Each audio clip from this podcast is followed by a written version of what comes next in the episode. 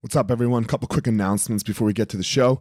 First of all, I have released my first online course. It is on my website, uh, elliottmarshall.com, how to be the champion of your life. So, some of the things that I do and that I have found helpful and useful in my life, not just how I start my day, but how I go through my day. Um, so, yeah, elliottmarshall.com for all of you BJJ fanatics that are on this, listening to this podcast, uh, I have separated the YouTube channel. So there's a BJJ only YouTube channel, uh, Fire Marshal BJJ, it's called. So go check that out. Lastly, my audiobook, my book has been released on Audible. So, The Gospel of Fire, it was only on paperback, but now it is out on Audible. So, audible.com, The Gospel of Fire, you will find the audiobook for you audio listeners like me. I do not enjoy reading actual books that much, but I love listening to them. So, uh, audible.com, The Gospel of Fire. So, three things the book, the YouTube, and the course. Go check them out. I'm always here. Whatever you need, hit me up. Fire Marshal 205 on Instagram. Talk to everyone soon.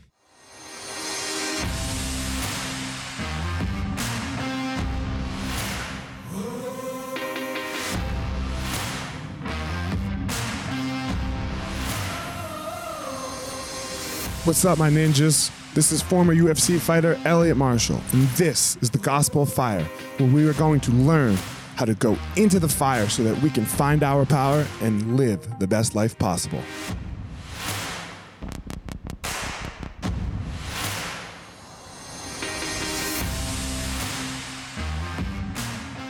What's up, guys? How you doing, Elliot? Before we jump into the podcast, um, a couple things. One, I have my book, a copy of my book, an, an, electronic copy for free on my Instagram right now. So go click the link in the bio.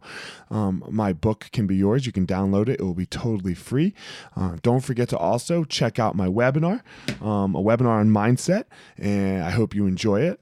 And yeah, this episode of the podcast, I have Eben Britton. Eben is a former uh, NFL offensive lineman, and now he's doing this personal growth journey as so many of us are. So um, we talk about a host of things, how uh, how he got to this journey through the NFL, what his life was like that led him to the NFL, and a host of other topics about what happened for him after the NFL as well, with his pain and um, his addiction that he had a little bit. Uh, and yeah, just just a, it was a great dude, a great conversation, and super insightful. So uh, without further ado, here we go, Eben Britton. Eben, what up, man? Hey, my brother. How are you? I'm excellent, man. How are you? I'm good, man. Uh, we were just talking offline a little bit. Um, that everything you do is the ebb and flow, right? That's so, it. That's uh, it. And you know, so I, I, I love it, man. I, I, I because you got to ebb and flow, right? You you better you better be able to flow, and, you, you're ebbing. That's it. Talk That's to me life. about it a little bit. How did you get to the ebb and flow? What is what? First of all, what is the ebb and flow? what isn't? What yeah, not the ebb and flow? Okay. Um, you know the ebb, the the ebbs and flows of life, man. Um, the tide ebbs and flows. It comes in and out. The darkness and the light, the yin and the yang, the space and the material, the earth and the sky, the sun and the moon. It's all part of the one, the whole, you know, the the the universal all, if you will. Um, and that's always been my since the time I was a little kid. It's always been where I have found peace in my life and balance okay. and rooting into my purpose. And so just taking it back a long way, where I come from, um, I was born in New York City, lived in Brooklyn till I was 10. My mom moved my brother and I out to Los Angeles. Uh, sometime in there during my childhood, my parents got divorced. I had a, you know, my family is very much, has been very much affected by the disease of alcoholism, substance abuse, depression, mental health issues. And that has been a big, that's been a fundamental reality of my life. and how I have, and a guidepost by which I have had to constantly course correct through that. So I would call it not only my darkness, but also one of the great gifts of my life to have come from that from that background. Um, and so when I was about seven or eight, my parents got divorced. And around that same time, it was a very dark time in my childhood. Um, and I spent, my brother and I would spend summers up at my grandparents' house in Connecticut. And um, I remember this one day in particular watching the news, and up came the sports segment. And it was the Jets and the Giants in training camp. And in an instant, I thought to myself, that's what I want to do when I grow up. That's who I want to be. I want to be one of those warriors. I want to be a gladiator on that gridiron. I want to wear that armor. I'm going to show the world how big and scary and terrifying I can be. And my mom would never let me play. Finally, my freshman year of high school, with the help of my dad, I convinced her to let me play football.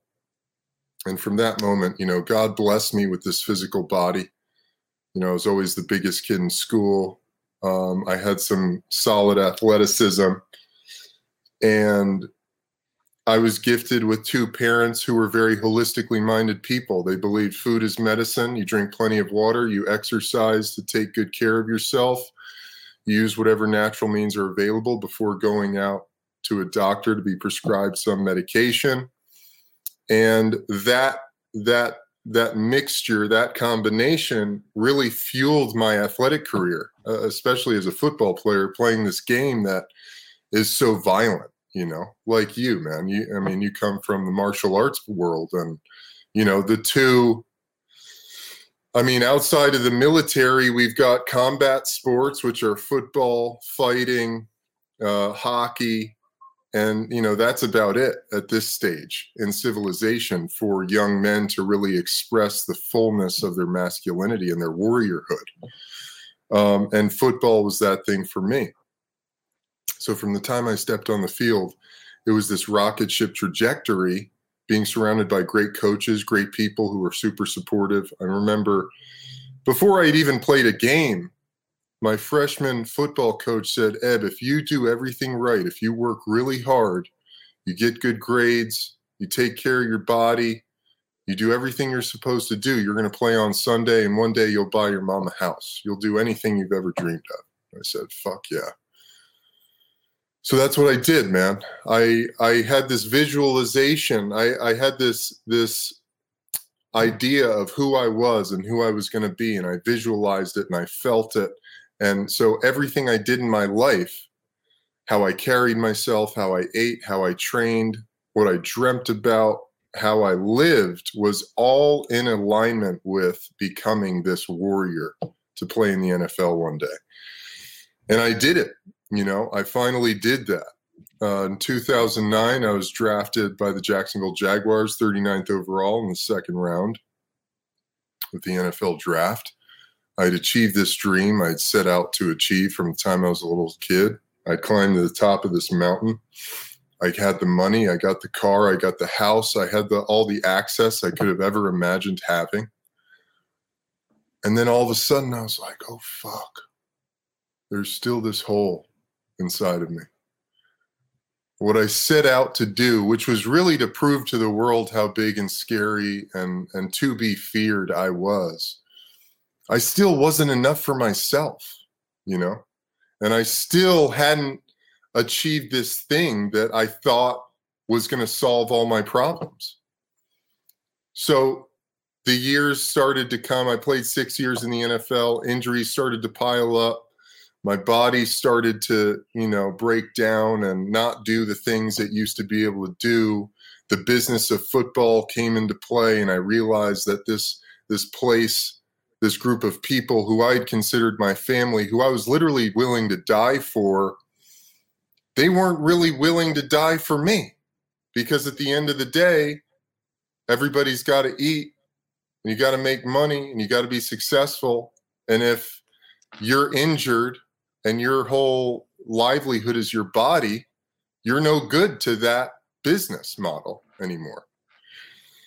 And so my faith in that was completely destroyed. My confidence in myself had been completely destroyed because really all I had had at that point was my football life, my identity as this warrior. Every relationship I had was was fixed around my life as a professional athlete. And now that was starting to break down. So finally, after a series of pretty significant injuries, I had a herniated disc in my back, which I had in, intense, excruciating sciatic pain, sciatic nerve damage down my right leg into my right foot. Couldn't feel my right foot on the ground for a number of years in my football career.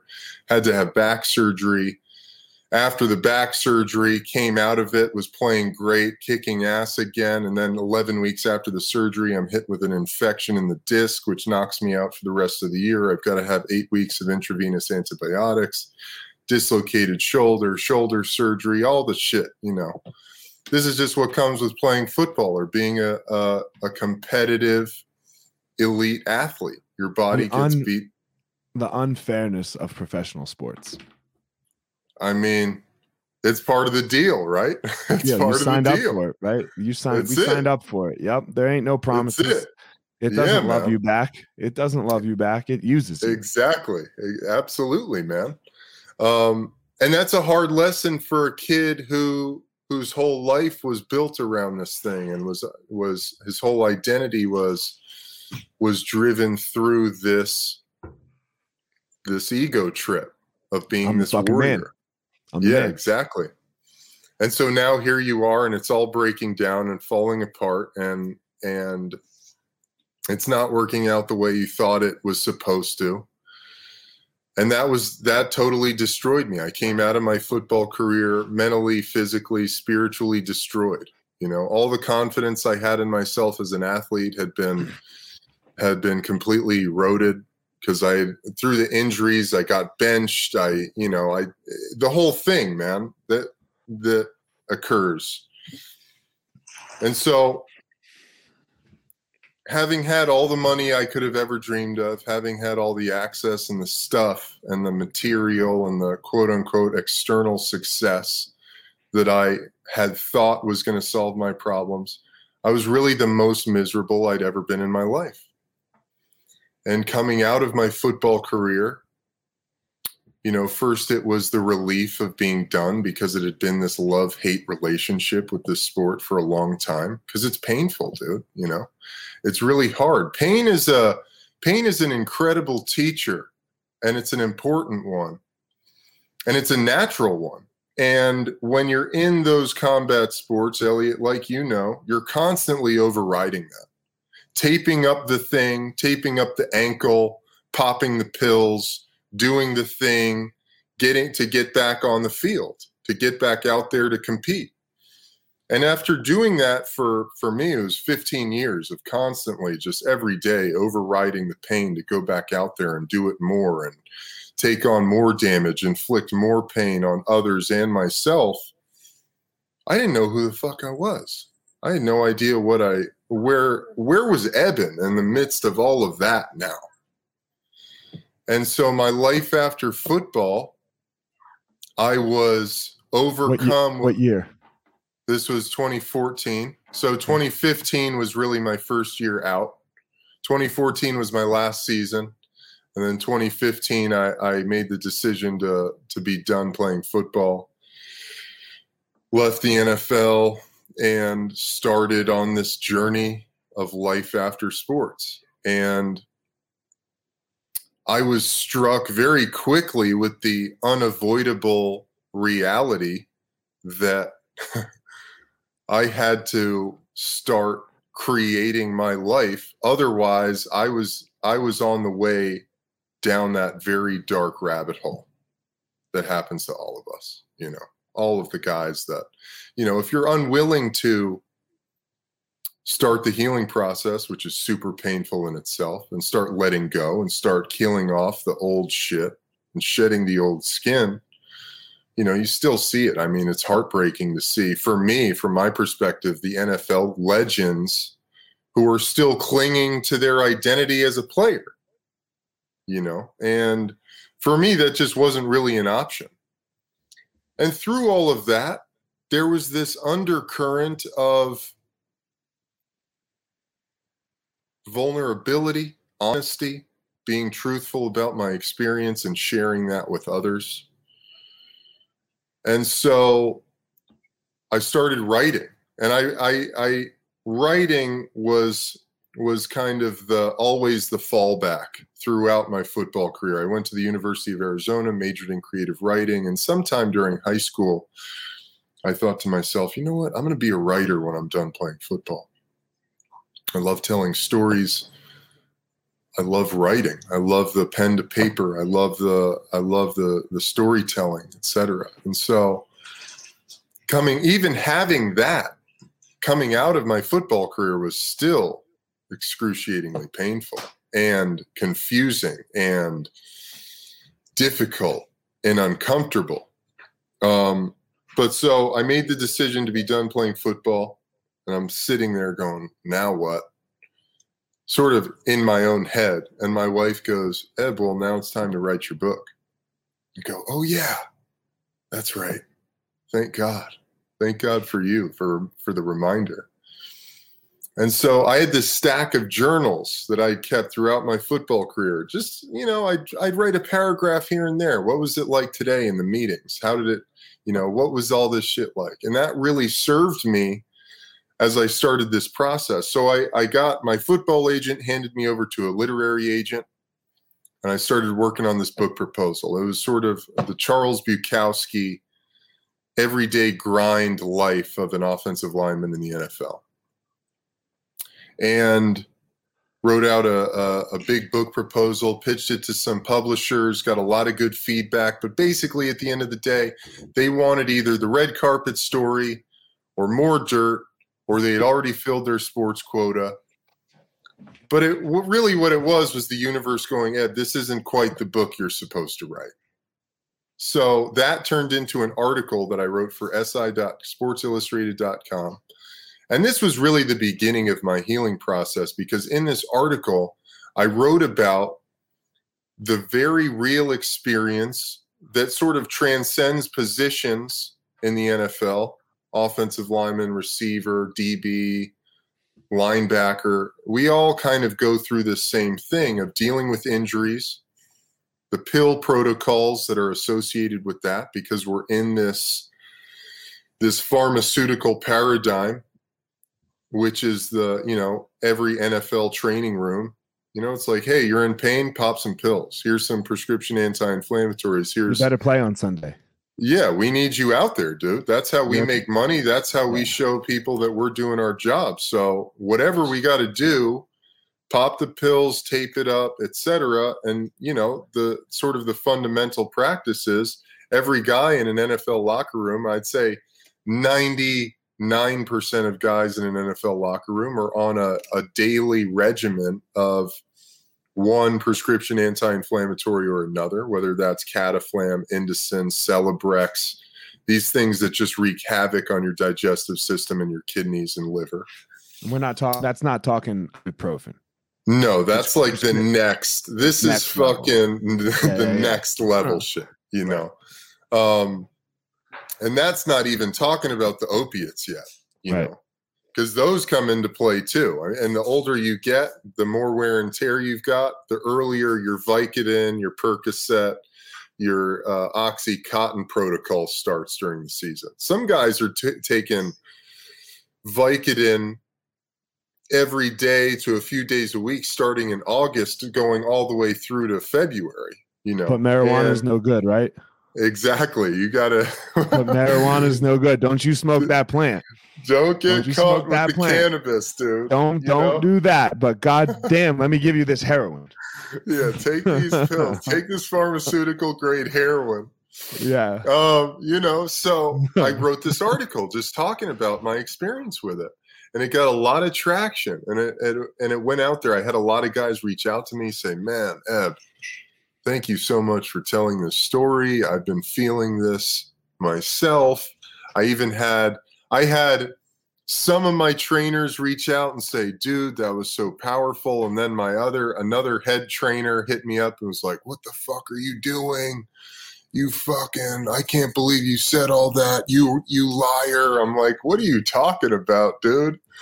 I fuck, all I, I did, first of all, I was very careful. I wasn't going to throw anybody under the bus because I know it's not about the individuals involved. It's about this system. I'm calling attention to a system, a broken system that needs awareness and attention. But he was he was very insecure about some other things happening that he didn't he was worried I was going to talk about. Look, whenever you call attention to a system that's a problem, everyone very personalizes it. Right. right? Like Absolutely. the whole thing with the police, the, with the black community and the police right now. All of a sudden, it's this indiv- all cops are racist. Yeah, man. No one's saying that. I, I don't know where you are. I don't yeah. know where anybody's getting that, but it's not that all cops are racist. But the that's system whole, of poli- the system of policing might not be okay. Yeah, that's a whole podcast on its own, yes. dude. Yes. Which I'd love to dive into that as well. Yeah. Um, but so but so that really started this process, man, of kind of unraveling, sharing my I had a great conversation with a guy uh, last week and he was he was from the business world and he had had his call it a come to jesus moment where he realized he was completely miserable heading down the wrong path you know was extremely depressed unsatisfied with his life and he totally changed his life and started living from the heart. And he talked about how that whole experience that he had been through was also that he could share this medicine. And that i thought that was such a beautiful way to put it. Like for me this is like this is me sharing my medicine with the world and with the guys my my football brethren. But then it kind of transcends that because you look at the culture that we're a part of and it's very oriented around you know people have become very dependent on the systems and the institutions that are in place. And we're constantly looking for somebody to save us and we're looking for the band-aid solution to really deep profound issues. And the pills aren't going to help you you know? When you're dealing with serious injuries when you're dealing with um, you know real pain the pills are just a band-aid you know it takes some um, it takes and football doesn't really afford us the amount of time sports professional sports don't really afford us the time that is actually necessary to do the healing required for whatever injury it is. You know, we're all playing hurt. Um, so, and that article, it led me into the cannabis space, man. Um, oh, and cannabis, right. cannabis had been a uh, a very intricate part of my healing process like I said, when I started, I was blessed with these very holistically minded parents. Call them yogis, call them shamans, whatever whatever term you want to use. They believe that food is medicine, exercise, drink plenty of water, use whatever natural means are available. And that was so key in my life as an athlete and how I treated my body. And whatever it is, I call it intuition this intuitive sense you know dealing with all of those injuries that i experienced and having the having the the pill protocols and just as an athlete doing whatever i thought i had to do to get myself back on the field to get out of pain so that i could perform yeah oh you're giving me the pills yeah i'll pop these pills now when it feels like i've got a knife in my gut and I'm shitting blood after taking these pills, my intuitive sense, my inner self is going, you know what? There's something wrong here, man. When I'm popping the opiates and I'm feeling this trigger, hair trigger rage that's just brimming on the surface, that's not me, come over me. And I'm in an already vulnerable state, having come out of surgery where I need my my my wife or my mother to help me get dressed, tie my shoes, fucking do all kinds of stuff for me. And I'm I'm like intolerable. Like I can't even I, am I'm, I'm getting annoyed with them and lashing out at them. I'm going, what the fuck? They're giving me the pills are giving me migraines. You know, making me feel extreme withdrawal symptoms after three days of prescribed use, waking up at three o'clock in the morning with cold sweats and chills and the knifing sensation in my gut because my body is craving more of this, these opiates.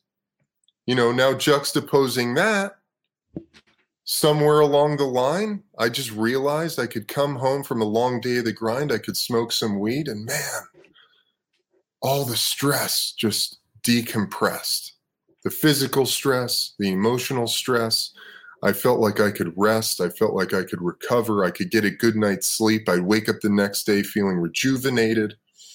So, as an athlete who had a very intuitive experience with my body, intuitive relationship with my body, you know, we all have, as athletes, I mean, our body is our temple uh, to the utmost. Everything you're putting in it you you're feeling what is the stimulus that that is creating.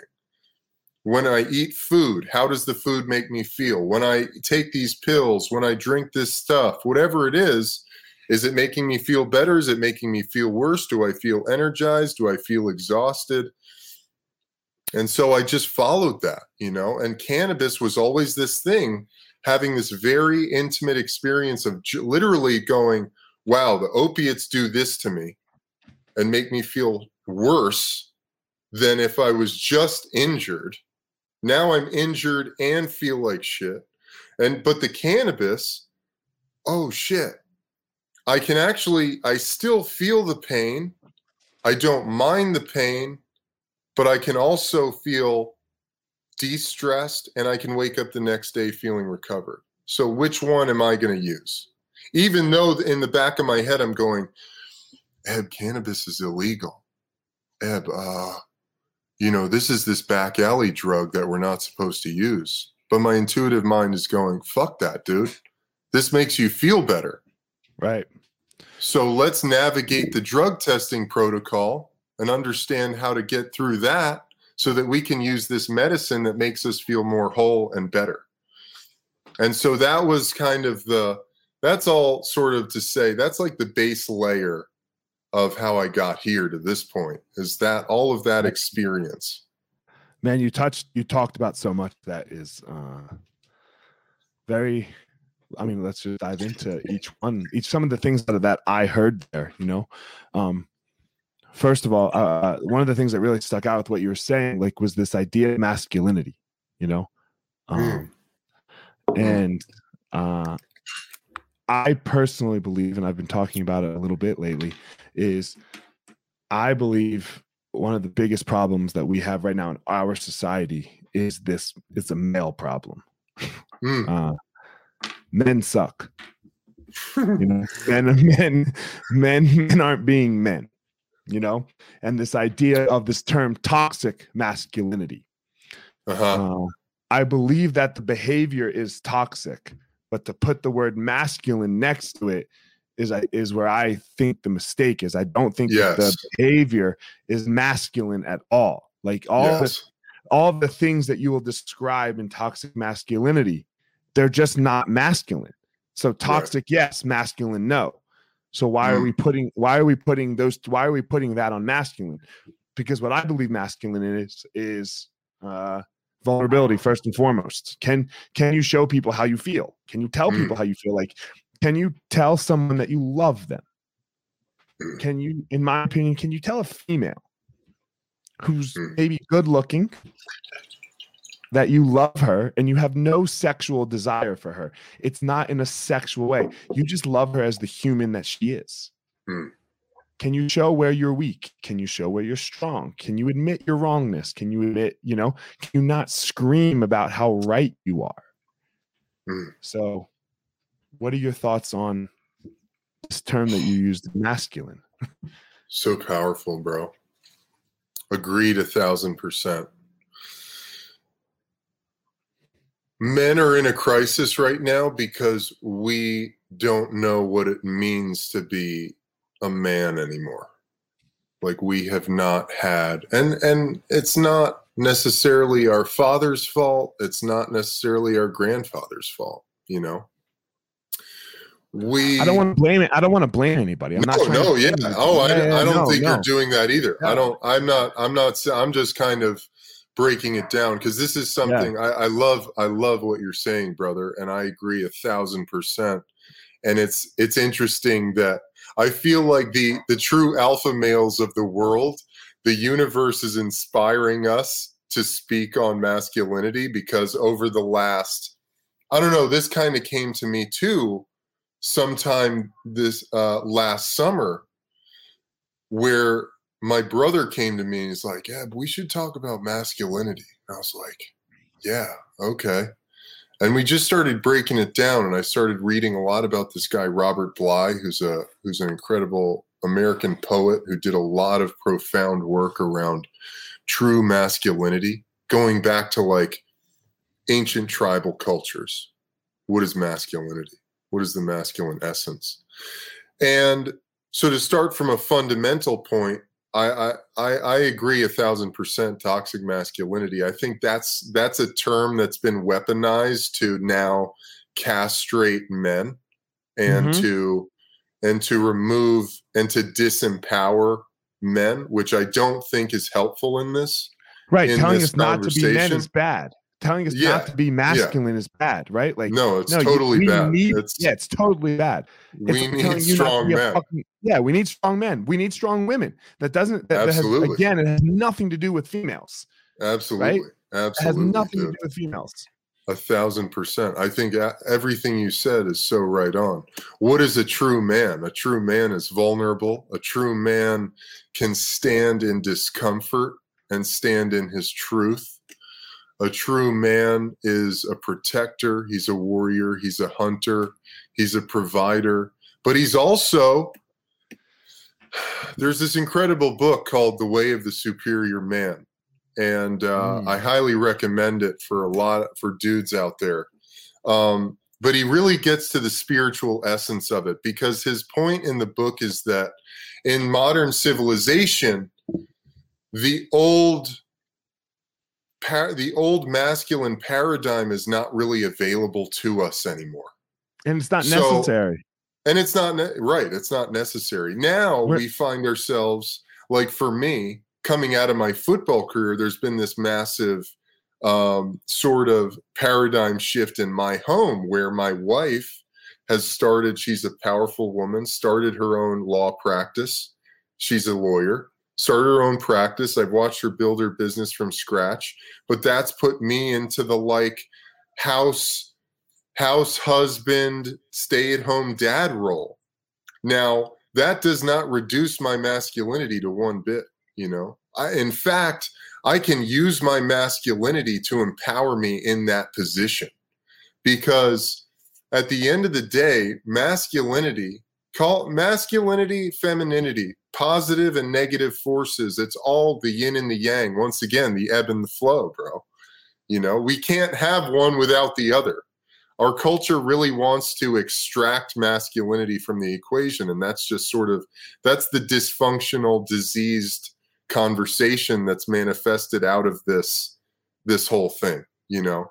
Um, so it's like as a masculine man in modern day society, how do you hold your masculinity be in it fully, powerfully, and not, or, you know, and, and just what does that look like? What does that look like? You know, and so it's like, hey, man, the home needs to be kept tidy and strong so that we can move and flow and be creative and productive in it you know the child needs to be taken care of and protected and you know needs to be attended to all of these things are masculine. You need to be the stabilizing force in your household, dude. That's all masculine properties. And where know, that's to- changed, right? Because like you were saying, there was a change 200, 300, 500 years ago. Sure, we needed to hunt. Right. Uh, you needed to eat because the number one thing for survival is food. Right. well, yeah. physically, the females couldn't do it just yeah. the way it goes. Like phys, yeah. right? You know, uh DNA, genetics, evolution, all of these things, right? So we went and did it. That's gone. You know, yeah, that's gone. I do believe though that we still need to be physical. Absolutely. Right. Part Absolutely. we we need a physical outlet for males. Totally. Especially males. Like they're like thousand it's percent. It's this combat that you talked about earlier, right? This uh for me, look, that's that's why why my business is successful, in my mm-hmm. opinion. Because we look, we have a ton of females too, and we have a ton of kids. But we yeah. create we create a place for men to mm. come do physical fucking shit to come put Love their life to feel like they put their life on the line with jiu-jitsu and, and and Muay Thai, right? Like like you're getting you're in this combat space where look, someone's trying to kill you. They're trying mm. to choke you out. They're trying, right? They're, they're yep. trying to choke you unconscious. now look, we get we get to die every day, you know, because we tap and then yeah. we come back to life and we do right. it again. You know, I love that. But this is this is like for me in my household, rule number one is we do jujitsu mm.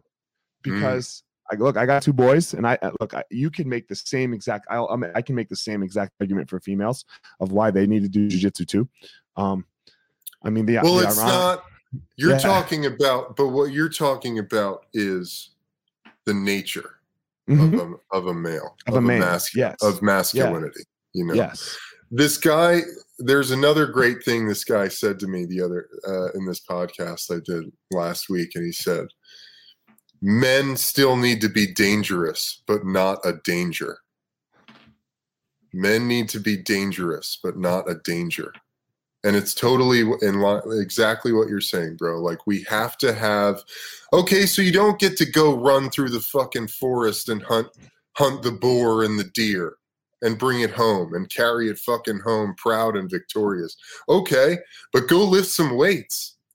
Go mm-hmm. go grapple go do jujitsu, go get physical, man, because that's such uh it's such an important vital part of us exercising our masculinity, putting that into a, a productive, fulfilling place yes. because we still yes. have to do that.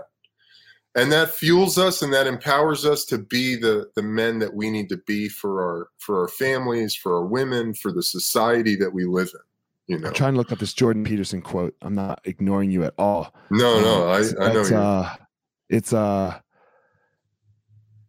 a dangerous man. I don't know what it is, but it's what it's like. What you said. A dangerous man is not one, or uh, a peaceful man, right? It's not someone who is incapable of violence. Mm. A peaceful man is someone who's greatly capable and chooses not to, and yes. has that shit under control. Yeah. Gives right? me chills. And, Gives yeah, me chills. and right now men just don't have it under control. And that's right. why we're taking pictures with our cars and having midlife fucking crises and trying to scream about how great we are and talking and look at how much money I have and look at how good looking my wife is, you know, yeah. and look how big my ha- man, get the flying fuck out of here. you know? Totally, dude. Good for you. Totally. Look, I want a lot of money too. My wife's good looking. Like I have yeah. a big house. Like, you know, like that's cool. Yeah. But like cool. What who cares? yeah if that's what you're if that's what you're uh you know putting your life on is that is that that's how you're identifying yourself that's going to fall apart really quick because what you happens when the money meaningful. goes yeah you yeah. don't do anything meaningful what right? happens you don't, when you don't, not yeah. yeah exactly your wife is going to be not good looking someday i guarantee you because age father time never loses that's right? It. He never loses. We're going to be, we will have the privilege of getting old, hopefully. Yeah. And we will be wrinkled and broken physically, and we will not look good. And if you leave that woman, you are the, because of that, you are the least masculine motherfucker I've ever met. Totally, man. Absolutely. You know, so I, yeah, so yeah, it's just, uh, it's something that I really, really think is so important for us to, and you're, you're talking about like staying home and taking care of the kids. Now look, and everyone goes, "Oh man, the women, the you need the mom." I agree, you need the mom. The Absolutely, mom, especially young. No the, the, young, the young babies need the mom, right? Without a doubt. Definitely. But but Definitely. if you're one of the thing that that drives me crazy right now is when my friends or I hear someone say, "Oh, my wife can only leave for an hour." Because I, I can't deal with the baby longer than an hour. And I'm like, oh my God like, my God. Or I'm babysitting my kids right now. You're babysitting your kids? Oh, are you yeah. fucking kidding me? Yeah. Right. You know. Yeah. Like I'm like oh, uh, I'm like give it back. How much did you get paid for that? Yeah, totally. Right? Dude. Like I don't totally. babysit my kids. My wife could go away for days. Like that's one of the want... things. That's one of yeah. the things Robert Robert Bly uh, he talks a lot about this is the parenting man and how you know we've we've found ourselves in this place where it's we have this weird pervading cultural ethos of I need to get on with my life. I don't have time for my kids. And meanwhile, the kids are going, feeling abandoned, feeling angry. They're fatherless, they're motherless. They're going, Whoa, what about us, man? You know, he talks about how he would go and he would go and read stories to these little kids in, in kindergarten. And he said they would be like hanging on him as he was leaving because they didn't want him to leave. They just loved him being there with them you know? And we think that it's this big thing that we have to do. But really the kids just need our presence man. They just need our our energy. You know they don't need anything in particular. No. And but you need to be you paying attention to them. Absolutely you know? But that's I, what gonna... it is. I mean it's you're not there on your phone. You're not there fucking doing something else trying to be somewhere else. You're there with them giving them your energy whenever it comes you know? And we just have this idea like it's such a burden. And it's creating these it's creating generations of of children who who feel abandoned and are really have have all kinds of shit that they have to work through as they get older hmm look i live right by boulder colorado you know mm. and and obviously we all know what happened a week mm. ago when that you know um i mean for me i was in maui you know i was on vacation when it went down but it's still it's it's you know it's four miles that grocery store is four miles from my house you know? oh, so i'm still you're still making all the phone calls to see if i mean it wouldn't matter if i'd be sitting in my house and it happened if i was sitting somewhere else and it happened right because all my friends live down the road. So you're mm. still you know and i have a school in boulder with a thousand members in it right? Like i'm still making all the phone calls to be like you know do we do we have anybody? Like do uh-huh. we is, uh, is are any of our people dead? Mm, you know um yeah. and for yeah. me this this this problem this look we have a gun problem. I, am not to even try to say we don't have a gun problem. Uh but we have we have a I, I i find this to be a male problem it seems to be a male problem you know and why like you, you we're not having young 20 year old women who are sad running into running into places blowing people away with guns that they don't know how to use right mm. we it, it, it's mostly it's all men Mm. Right. So what the yeah. fuck is it? What the fuck yeah. is it? It's men who haven't been raised by men. Mm. Yeah. And who yeah. have been shown how to be a man. Yeah. And I I love my wife. I fucking adore her, but she can't teach my boys how to be men. It's true. Yeah. She's too protective of them. As yeah. maybe I would be of a daughter, you know? Mm. As maybe yeah. I would be of my daughter, you know?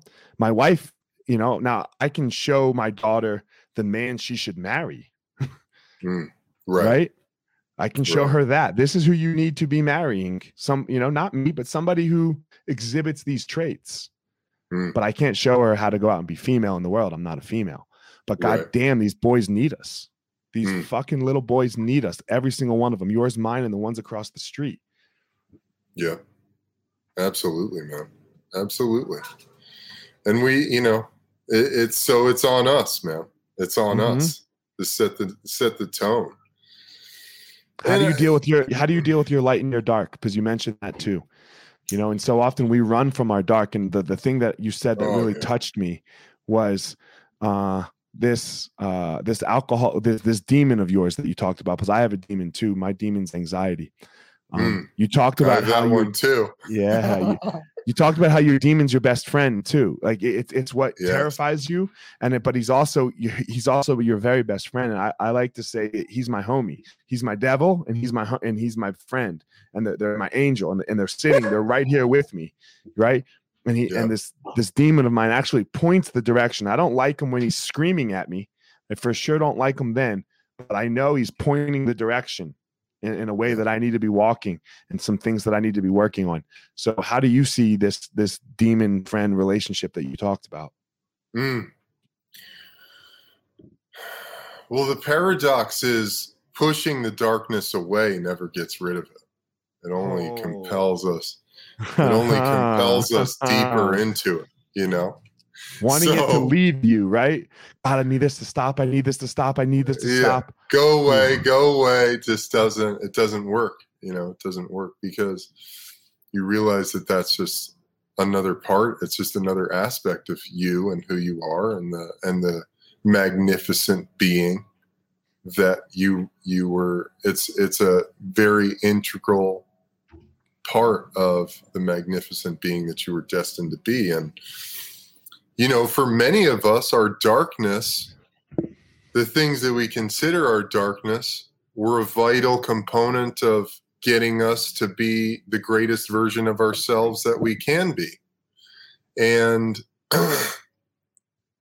you know I have, and we have to spend time with them. We have to spend time. You know, I'm really in this thing, man, of whatever it is that comes up for me, I have to just acknowledge it and recognize it because I've spent a lot of time in my life shaming myself for having feelings, shaming myself for not you know, whether it's anger, Men don't sadness. Have what are you talking about? and that's about? that is dangerous you know that that's a fucking that's a that's a dangerous idea for for men because that's killing us you know and so coming to terms with all of it spending time with it all acknowledging all of it man it starts to cultivate this peace and this deep, intimate relationship with it and with yourself and this whole picture of who you really are and how beautiful that is, man. Like, how can you be the great guy if you haven't felt yourself be in the muck, in the shit, being the scumbag? You know, and I'm not saying that because we all sort of have a process of evolution where you know you, you don't always especially you know men who haven't had men as role models you know how do we know what's good if we don't know what wrong is or what's right if we don't know what wrong is and you know in our own lives we have all of that and the only time it gets to the point where look it's because men we destroy ourselves and we destroy the world around us like you said all the mass shooters, they're always men. We go to war. Men are the ones who create the wars and destroy the fucking planet and do all of that and wreak havoc. And it's because we're not acknowledging ourselves, man. When you don't acknowledge the demons, they're just dying to get out. They're dying to express themselves.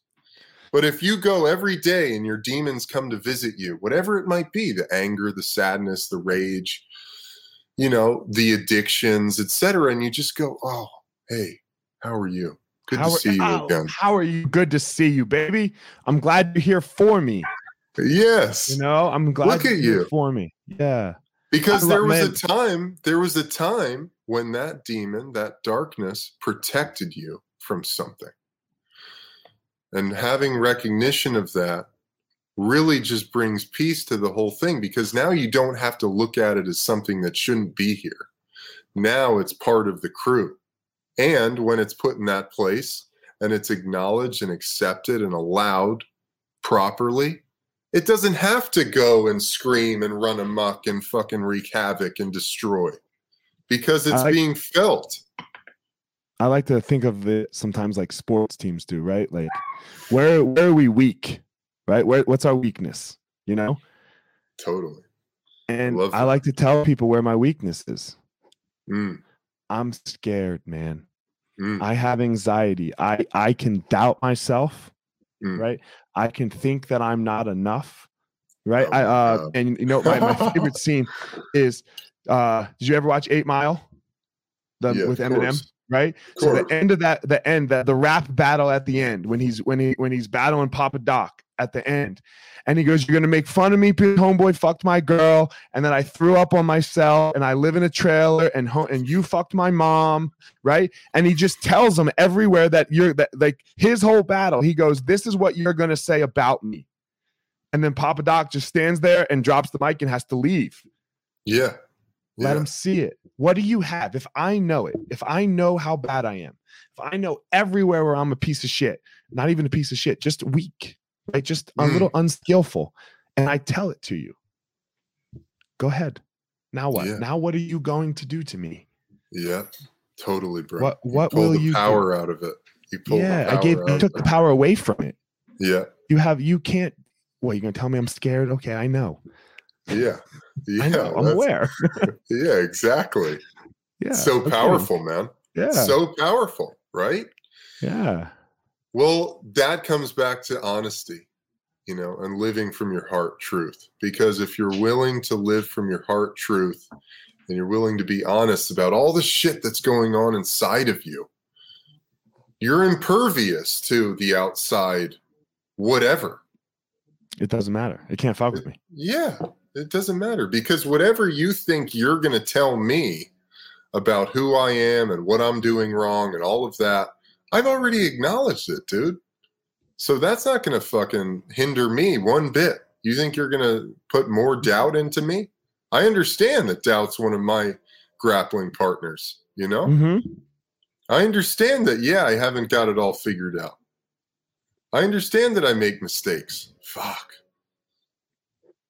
Powerful, dude. It's powerful in a time where a culture wants to really, you know, you talk about cancel culture, you talk about really whatever it is, the culture that we live in, it wants you to be a certain way. It's telling you how to think, how to dress, how to act, how to talk, all that shit because that's what the culture does you know that's kind of that's just like what culture does it's not really there to help you along it's there to to funnel you into the into the the little the, mm-hmm. the singular idea of what a good person is oh, and usually man. usually that's like those are the most fucked up people because they're unwilling to acknowledge the fact that they make mistakes. They're unwilling to acknowledge the fact that they're a human being, man. And as a human being, we're fallible. We make it's mistakes. So, it's so interesting, you know, and not to be, uh, you know, you brought up cancel culture and not to be too political. Um, I mean, I've been, I'm very open about my dislike of Donald Trump. Um, but I can see the draw to the man, mm. you know, because you have this other side, this cancel culture side that that says you have to be perfect. Right. You you can't make you you can't make a mistake. God forbid you sent out a shitty tweet in 2009 when Twitter first happened. It's 2020 and we're going to destroy you for it. Yeah. You must be perfect. Yeah. One side. And then you yeah. have this in my opinion absolute total piece of shit that is Donald Trump who comes out and says I'm a piece of shit. Be like me. Right? I'm a piece of shit. Look, you can be a piece of shit too. And you have, and people, and this choice is put in front of you. Be perfect. Okay. There's no way I can do that. Or be a piece of shit. All right. I, I can't be perfect. As much as I try, I can't be perfect. I get, I mean, I I guess I'll go be a piece of shit with that guy. So you know, like that's just how I see it. Like I don't, you know, I, I and it's I think it's a really bad way that that we're going about it. Why are we making somebody choose a piece of shit as a human being just because they can't be perfect? Mm. Because nobody can be perfect. Yeah. Well, you know, I think that's that's that's the perspective. hey, dude, and it's valid. It's totally it's totally worthwhile, you know. Yeah. I mean, but at the same time, you know, the onus is on the individual to Of course. to discern. You know, but hey, when you live in a culture, like literally you can't watch the mainstream media. It's just fear no. and bullshit. No. You can't, you know, social media is a is a toxic cesspool of all kinds of shit that, you know, people are spewing.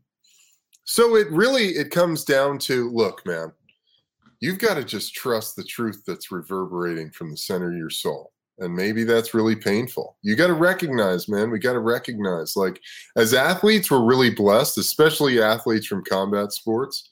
Life is chaos, life is uncomfortable. That's part of the deal. It's part of the fucking deal, man. You don't mm-hmm. have to mm-hmm. like it, but that's the way it goes and we're not and gonna It's not fair. It's not fair. Fair is not even a real word. Fair has nothing to do with anything that we live in. You know what I mean? Like, get rid of that term altogether. I don't know who came up with it. It's like the weather is fair. That's what Dude, we can use fair right. for. You know, we've got fairways in golf. Yeah. Is it fair that you and I get to sit on this podcast together at two o'clock or one o'clock, wherever we're located, or whatever time it is, and like our kids are good and my wife is good, and we, we're not worried about that what we're going to eat tonight for dinner? It's in the fridge already. Is it fair that that's our life and that these kids in Africa that were just born in Africa can't even get a sip of water that's not clean? Is that fair? So where do we want to draw this fair line? Get the yeah. fuck over fair. Do it. Totally, dude do it. It's, it's really interesting. You know, we're about, I'm about to, we're about, we're about to, I got to wrap it up here, but you know, I want three more things I, I want to touch on. Um, we've been talking yeah. for me anyway, the, the, more masculine I feel like I've become, mm. the more it, it's super interesting. The students, my students that I'm the closest with, like my athletes that I really resonate with, most of them have been leaning female lately. It's a very interesting thing. Very you know? interesting. Where I, I, I'm I'm doing better with females. Interesting. Than than I was before. Not that I'm doing not doing well with males still, right? Yeah, yeah. But of course. Like that. But like I'm like, huh? Look at this. Like, what what is that? So it's it's super interesting that not the less masculine I become, the more masculine I feel like I'm becoming. My wife, I'm doing better with my fucking wife. Like how I speak to my Likewise. wife Likewise, you know, man. is like, yeah. okay, babe, you know, rather than trying to fix my wife's problem. Oh, dude, Elliot, asking come her, on, baby, brother. How are you feeling? Yeah, totally. how are you feeling? Are you how totally, are you feeling? What bro. and if you're feeling a certain way, is there anything I can do about it? No? All right, baby. I'm here for you if you need me. but it's this one might this, you know, you let me know if you need me rather than be like, I gotta fix this, I gotta fix this, I gotta fix this. Yeah so powerful, man. So true. I feel the exact same way. I feel the exact same way. Um, two last questions. Well, you know, um, one, first one. I'm not Rogan. I'm not Tim Ferriss. I'm not Jocko. Right? I'm not uh, not Oprah. why like you know why why say yes? And, and, i'm not asking again this isn't to be like oh man because you're great elliot but it's not that. But why do you why do you spread this message? Why do you say yes to this podcast? You're hilarious bro. Um first of all i love the name the gospel of fire. All right. Fuck yeah. I felt i felt just i felt compelled to hop on the mic with a fellow combat sports athlete. There was something about it. I don't even know what it was, but I felt like we would have a lot of good stuff to talk about. And then lastly, man, I mean, I'm all about spreading this message, dude. And mm-hmm. and I do that by whatever means necessary. It doesn't matter to me if you've done one podcast or a thousand podcasts if you ask me for my time and my energy and the the request is authentic and comes from a place that is true i'm open to it and i'm willing to to give my time and energy to that to that space. So that's that's your answer. That's a good one. I like it. Lastly i feel everyone has a unique power in the world. You know i think i think there's something out there there's something inside every single human being that uh, makes them powerful not that makes them money and not that makes them you know none of that just that gives them their power. What do you mm. what, what do you think your power is? So coming back to to my darkness my demons man something that kept me alive and well well throughout my childhood was this deep sensitivity i have. I'm very sensitive to my own emotions and feelings, but I'm also very sensitive and empathic to the feelings and energy of other people. And that has given me, that's been a massive blessing in my life.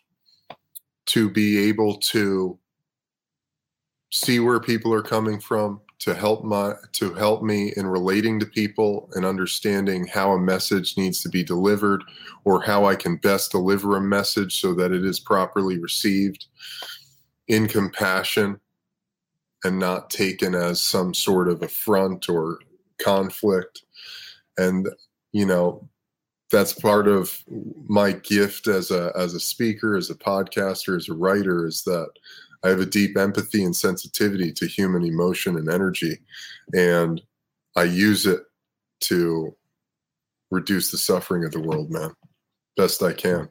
Fuck yeah, one person at a time, right? That's it, brother. That's it, man. Man, uh, to say that our stories resonate with each other, uh, I would, uh, I would, I, I, I don't know how, like, you know, other than my parents being divorced, like my parents were not divorced. Um, we have such a similar story of, of what led us to combat sports and everything, you know, our time in combat sports and, and, and, and all of that. Um, so thank you for sharing yours. I would love to come on your podcast and share mine. I'd love to have you. Yeah. I'd love to have you, bro. So, um, man, have we met before? I don't think so. No, I feel like no. we've known each other for lifetimes, dude. I know. We're gonna we're gonna exchange the phone numbers here when we hang up when when, when I when I stop hitting record. So um, definitely, because It, it, it's like a must for me uh, here. Um, yeah, this is my this is my favorite part about podcasting. It, it's not yeah. even so much doing my podcast, the, like when I know someone like it's cool. I, I like yeah. those, but these are my favorite ones. And I say it yeah. all the time is like when I can meet someone who I'm like, God damn, I gotta be homies with that person. Like, like that, that totally, has to be bro. my fucking homie because we're just we're we're we're pick we're on the same fucking wave here. So yeah. Um yeah. I appreciate it. You know, I, I appreciate it. So to everyone Likewise. listening, um, don't go out there and try to be Eben and don't go out there and try to be me. He has his yeah. unique power and I have my unique power. You have it too. Go out there and find your power, everyone. All right, everyone, thanks for listening to this episode of The Gospel of Fire. If you enjoyed the episode, I'd love a review on iTunes or wherever you are listening to this podcast. Don't forget to follow me on social media at Fire Marshal 205 if you are a BJJ enthusiast, check out my YouTube channel. I put all kinds of instructional DVD uh, videos out on there, so go check it out. My book is still out on Amazon by the same name as the podcast, The Gospel of Fire. So if you are interested, go check out that. And most importantly, guys, go out there every day, find your power. Thanks a lot.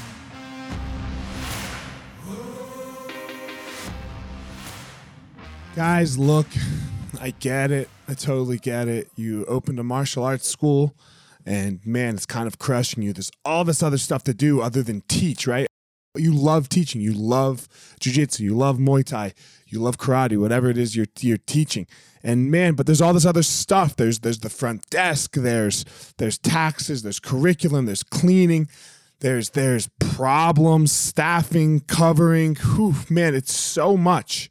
It's so much. Well, let me tell you, uh, we have started what's called Easton Online, and Easton Online is here to solve all of these problems for you. Easton Online is a digital academy for martial arts school owners and managers. Will help you establish or enhance your business with best practices. Most importantly, we're going to help you get back to what it is that you love most teaching and doing martial arts. Okay, so for more information, guys, go to easton.online. Again, that's easton.online. Add your email. You're going to get notified about the course launches. Our first course is going to be all about the first impression specialists, your front desk, and all kinds of stuff, special offers, promotions, as well as we started a podcast by the same name, Easton Online, that's going to talk about our process of how how we went from a tiny little martial arts school to what is now seven martial arts schools, seven Brazilian Jiu Jitsu Muay Thai schools, um, in a very holistic way that we believe um, kept the integrity of the art and also deals with its people very well. So again, Easton.online, enter your email and you're gonna get all you're gonna get everything you need right there. So thanks, guys.